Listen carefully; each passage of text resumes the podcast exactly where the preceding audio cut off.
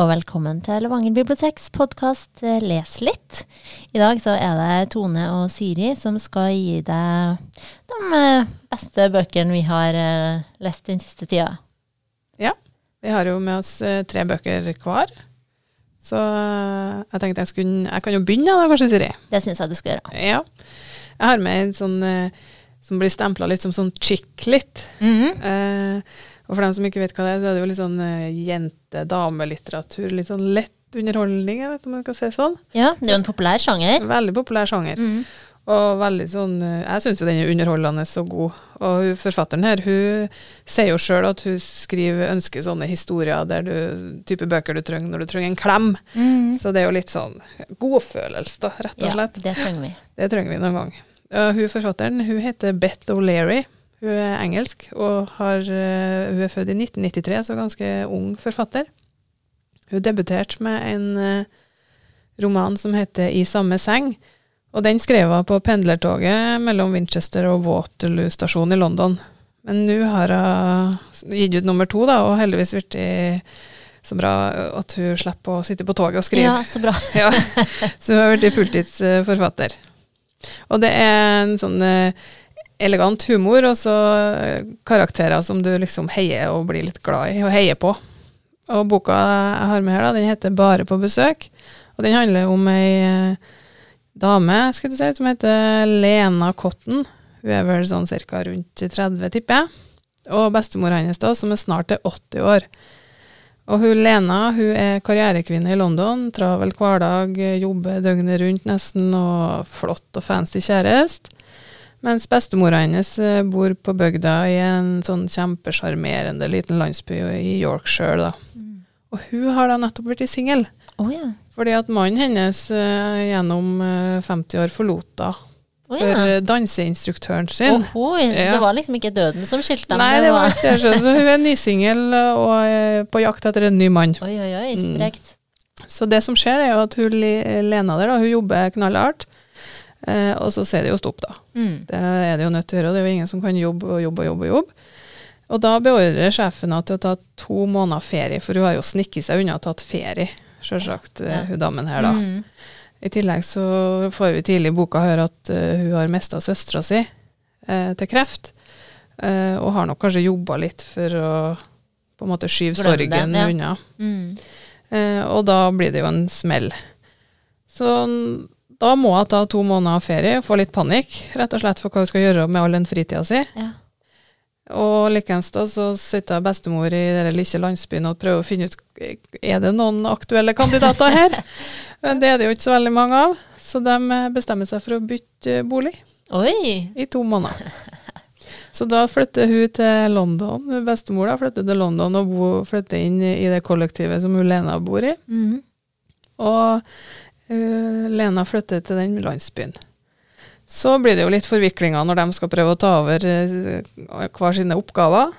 Uh, men det er mye sånn hjertevarme og, og, god humor, da. Høres ut som en festlig historie. Ja, det er en festlig ja. historie, rett og slett.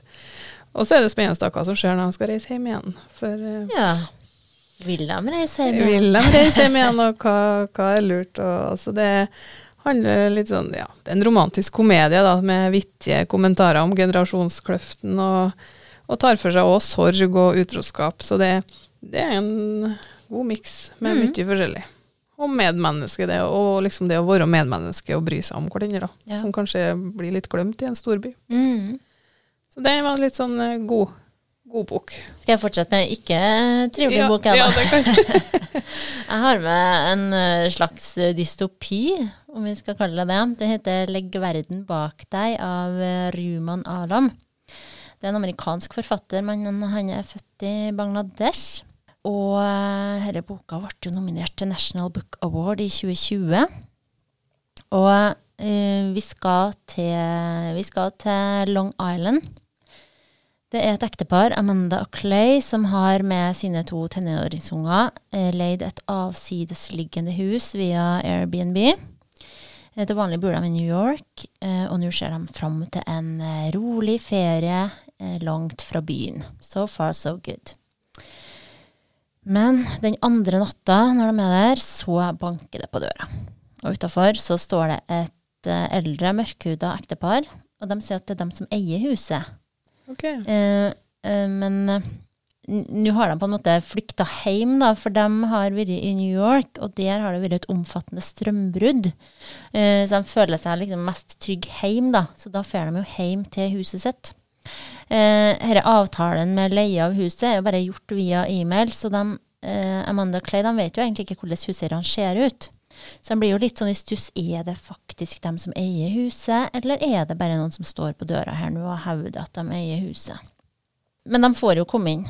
Uh, og, og det blir en litt sånn rar dynamikk da, mellom denne familien på fire og dette ekteparet, som kommer på en måte på besøk til sitt eget hus. For hele familien de har jo inntatt leiehuset og Ja. har liksom forberedt seg på at her skal vi være. Så det blir en litt sånn merkelig dynamikk. Og kan de egentlig stole på hverandre?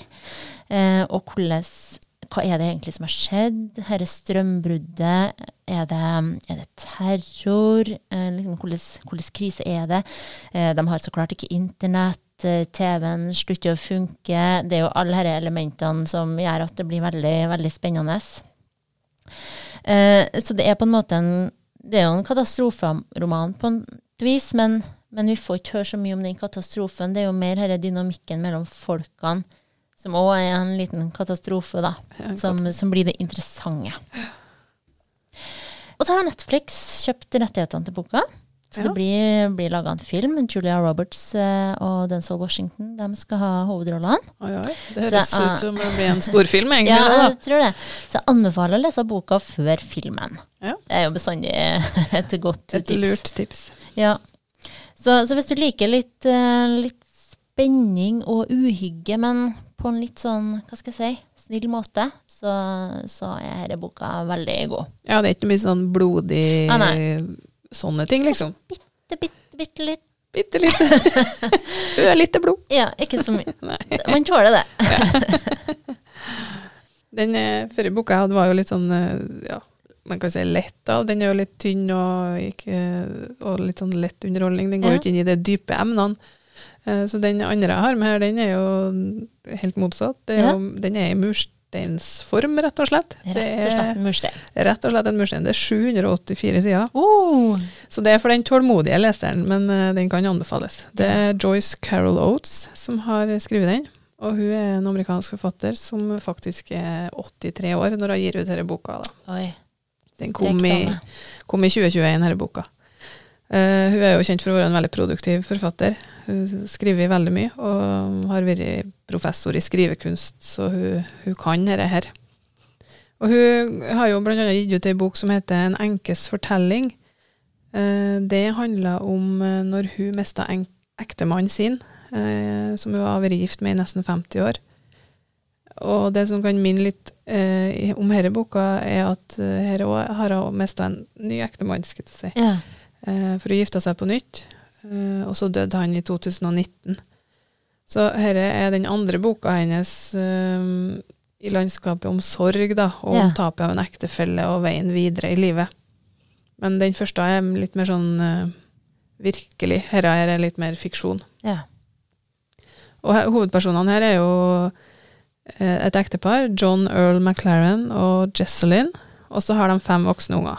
Det som skjer da, er jo at han, eh, John Earl han ser eh, en politibil på sida i, i veien, og så er det to politimenn som holder på å eh, ikke er snille. da. Det er jo i USA her, her Mm. med en um, mann. Så han stopper for å hjelpe, eller liksom sjekke ut hva er det her. Ja. Og så blir han sjøl utsatt for politivold. Eh, han blir sli og sparka og elektrosjokka. Og blir jo etter hvert sendt på sykehus, der familien får beskjed om at han har hatt et uhell i trafikken. ja, så klart. Eh, og så dør han, etter noen dager på sykehuset. Og det er da liksom denne romanen ruller opp, da. Hva gjør denne sorgen med kona? Hva gjør det med ungene som er vidt forskjellige? Hvordan takler de det? Og hva skjer med familiedynamikken? Og, Mm.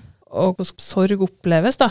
Og det, det er en rå beskrivelse, syns jeg. Ja. Det er litt sånn eh, fælt nesten noen gang å lese. Så det er en sterk bok. ja, det er litt sterk bok, syns jeg, rett og slett. Eh, og så beskriver forfatteren Hun betrakter jo karakterene sine både fra utsida og innsida, sånn at du får liksom sett eh, Alle, all Ja, sidene. alle sidene. Og det de hele tida spør seg, da, alle ungene og kona, det er hva ville han mannen, altså, hva ville han ha gjort? Mm. Så vi blir jo òg kjent med han, sjøl om han dør ganske tidlig i boka her, da. Så det, det er en lang bok, men uh, det er ikke noe tomgods da, som blir servert. Ja, og det var altså Joyce Carol Oates med Den boka heter da 'Natten, søvnen, døden, stjernene'. Og den tittelen er vel henta fra et dikt. Handlinga var fra USA, og Siri, du har jo noen bøker ifra der handlinga er i USA, du òg. Ja da, det er jo mye det det går i. Eh, tatt med ei bok som jeg ja elsker. kan jeg si det? Eh, den er, det er en sånn perfekt bok for meg. Den heter Daisy Jones and the Six, skrevet av uh, Taylor Jenkins Reed. Eh, hun er født i 83, amerikansk forfatter, ja. Eh, og denne boka har ligget på bestselgerlistene i USA. Skal òg bli eh, filmatisert, eller det skal bli en TV-serie. Altså igjen, anbefalinger, les av før du ser. uh, og i denne boka så får vi historier om det fiktive California-bandet The Six. Og det er kun øyenvitneskildringer fra bandmedlemmene sjøl, familie, venner og samarbeidspartnere. Og så får vi samtidig historier til Daisy Jones, eh, som da òg blir artist etter hvert, og knytta til The Six. Eh, først litt om Daisy Jones. Hun er tenåring fra et eh, kunstnerhjem i Hollywood Hills. Foreldrene er mest opptatt av seg sjøl, så Daisy hun må liksom andre plasser for å få oppmerksomhet. Og hun bor ikke så langt unna Sunset Strip.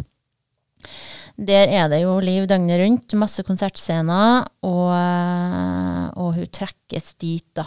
Laurel Canyon er jo liksom sentrum for alt som foregår på musikkscenen den tida. Artister som Eagles, Crosby, Stills og Nash, James Taylor, eh, Johnny Mitchell, eh, Carol King. Altså det er masse musikk som eh, Det er på en måte der, eh, der det skjer på denne tida. Eh, altså 70-tallet. Eh, Eh, så i starten så er jo Daisy en, en, av mange groupies, men hun har talent og blir oppdaga etter hvert. Så hun får kontrakt, skal spille inn en, en plate med coverlåter. Eh, Sjøl om hun skriver egne låter, vil aller helst utgi det. Parallelt da så får vi høre historier til suksessbandet The Six, som er leda av låt, låtskriver og sanger Billy Dunn. Eh, de står òg på terskelen til noe stort, men de mangler liksom det lille ekstra for å slå, slå helt gjennom. Og det er her samarbeidet med Daisy Jones kommer inn. Eh, for de spiller inn en låt sammen, og den blir en braksuksess. Og eh, det blir da bestemt litt over hodene på dem at hun skal bli med permanent i bandet. Så det blir liksom Daisy Jones and The Six. Dette er så klart imot Billys uh, vilje, for de har ganske store egoer begge to, og krasjer ganske, ganske bra, da. Eh, det som er litt artig med boka, her er jo at den er inspirert av et av datidas største, eh, største band, Fleetwood Mac, og innspillinga av Rumors i, som kom i 1977. Eh, så det er jo Daisy Jones og Billy Dunn de har jo likhetstrekk med Stevie Nicks og Lindsey Buckingham, så, så hvis en er litt musikkinteressert da, og syns denne tida er, er interessant, så, så, er det absolutt ei fantastisk bok. Det sånn, kan være litt inspirert av? Ja, i, i aller høyeste grad. Ja.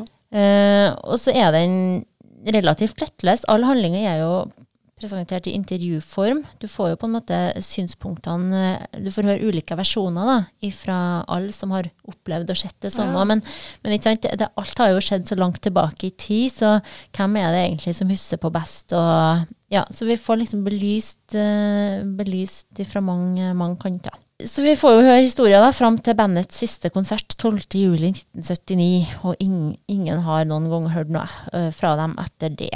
Så vi får liksom endelig historie om hva som egentlig skjedde. Så, så er du interessert i tida og, og musikken, så absolutt les den her. Til slutt så har jeg med ei norsk bok, jeg, da. Oi, da trenger vi jo etter alt det amerikanske. ja, litt tilbake til røttene her. Nei da. Um, det, er, det, er, faktisk ei fagbok. 'Kunsten å bli 100' heter den boka. 'Visdom og tjuvtriks fra de eldste blant oss'. Det er Thomas Aune som har skrevet. Han er radioprogramleder, TV-programleder, forfatter og mediepersonlighet. Eh, veldig godt kjent for eh, litt sånn fotballsendinger, eh, annet med Alexander Schou. Både i NRK P3 og TV2 Sporten. Så nå har han eh, da blitt litt nysgjerrig på hvordan du skal bli passere 100, da, rett og slett. Ja, det lurer jeg jo litt på. Ja, Hva er så trikset er det, det er voldsomt varierende, kan en si. Det er forslag eh, Han har vært reist litt- rundt omkring og intervjua dem som har i 100. Og liksom eh, hørt om tips og triks, og det er jo ja, motsigende, alt etter hvem du spør. Så det er egentlig ikke noe fasit. Nei, det, fasiten står det dårlig til med. Men eh, det er, forskerne er enige om at det er større sjanse for noen gang at du blir 100, da. Ja.